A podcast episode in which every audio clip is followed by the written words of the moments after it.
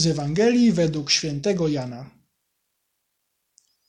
Obok krzyża Jezusowego stały matka jego i siostra matki jego, Maria, żona Kleofasa, i Maria Magdalena. Kiedy więc Jezus ujrzał matkę i stojącego obok niej ucznia, którego miłował, rzekł do matki: Niewiasto, oto syn twój. Następnie rzekł do ucznia: Oto matka twoja. I od tej godziny uczeń wziął ją do siebie. Dziś obchodzimy uroczystość Najświętszej Maryi Panny, Królowej Polski.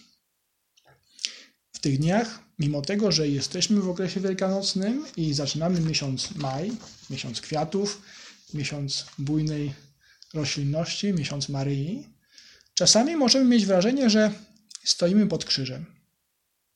Być może czasem przychodzi pokusa wewnętrznego narzekania, albo tracimy cierpliwość. Ale to, co jest ciekawe, to fakt, że scena, w której Pan Jezus daje nam Maryję jako swoją matkę, dzieje się właśnie pod krzyżem wśród trudności. Być może jest nam trudno, ale mamy naszą matkę, Maryję, pocieszycielkę strapionych.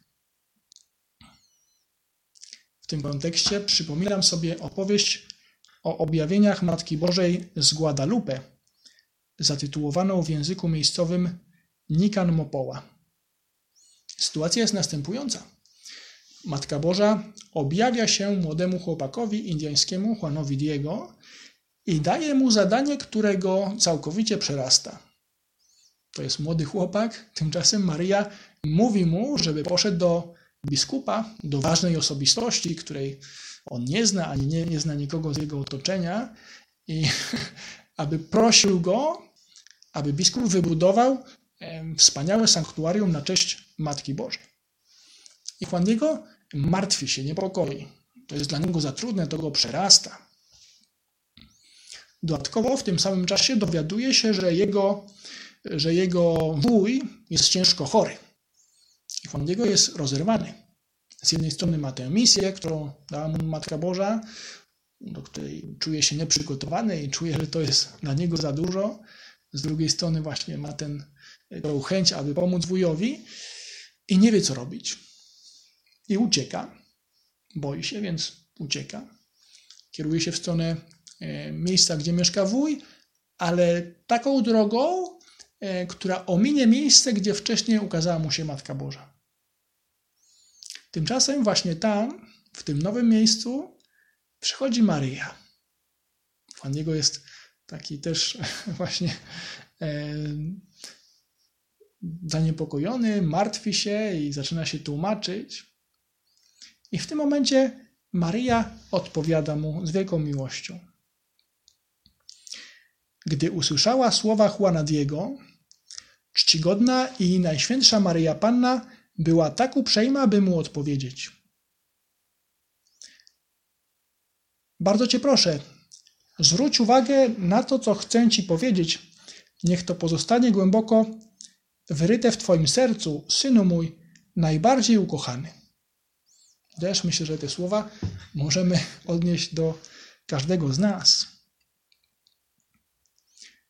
To, czego się boisz, to, co cię zasmuciło, to, co odmieniło Twoją twarz, Twoje serce, nie ma żadnego znaczenia. Proszę, nie obawiaj się tej choroby, ani żadnej innej choroby lub innego zasmucającego bólu. I możemy sobie zadać pytanie, dlaczego mamy być spokojni? Dlaczego te trudności nie mają żadnego znaczenia? I Maria odpowiada: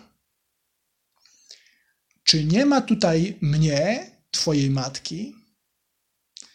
Czyż nie kryjesz się w moim cieniu? Czyż nie znajdujesz się pod moją opieką? Czyż nie jestem źródłem Twojej radości? Czyż nie mam Cię na kolanach w objęciu moich ramion? Czy masz przypadkiem jakąkolwiek inną potrzebę? Spokojnie. Maryja jest z nami w każdej chwili, także teraz. Bardzo proszę, niech nie martwi cię żadna inna rzecz, niech nie martwi cię choroba twego znakomitego wuja, zapewniam cię, że nie umrze na nią. Zapewniam cię, że już odzyskał zdrowie. I rzeczywiście tak się stało.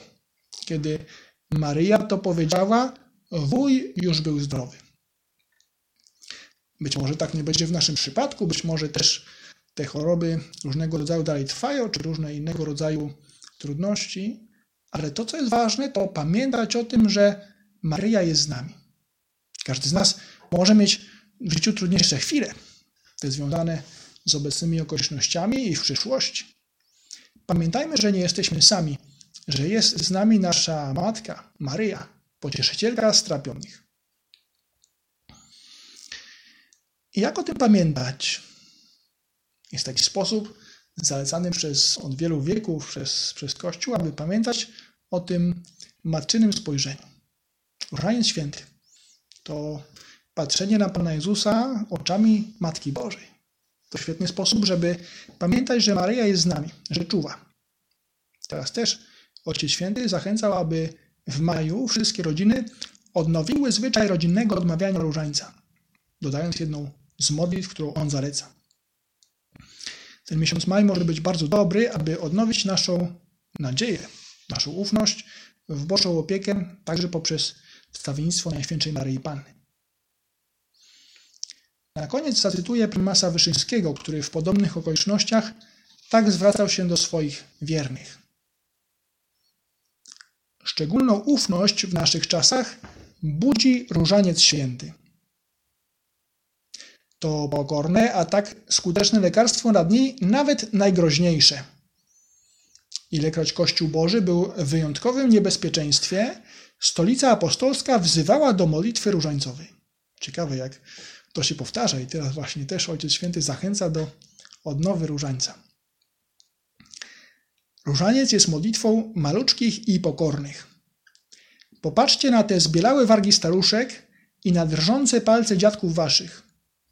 Dla nich najpiękniejszą księgą mądrości jest różaniec, tylko w nim czytać umieją. Do was więc, prości i uczeni, zwracam się z gorącym wezwaniem. Weźmy różaniec do ręki. Zwiążmy myśli, usta i dłonie nasze różańcem świętym. Napełnijmy domostwa i wioski nasze szeptem modlitewnych pozdrowień maryjnych. Pokazujmy, przekazujmy jedni drugim uporczywe wołanie. Zdrowaś Maryjo. Zżyjmy się z różańcem tak, byśmy go stale odmawiali, byśmy łatwo doń wracali, byśmy mu poświęcali wszystkie wolne chwile. Jak miłym i wiernym towarzyszem codziennych zajęć może być różaniec. Dobrze, kończymy to krótkie rozważanie. Pamiętając, że Maria jest z nami, możemy zrobić postanowienie, żeby rzeczywiście towarzyszyć Maryi w tych dniach, także poprzez Różaniec Święty i wtedy też nasze serce napełni ufność i pokój.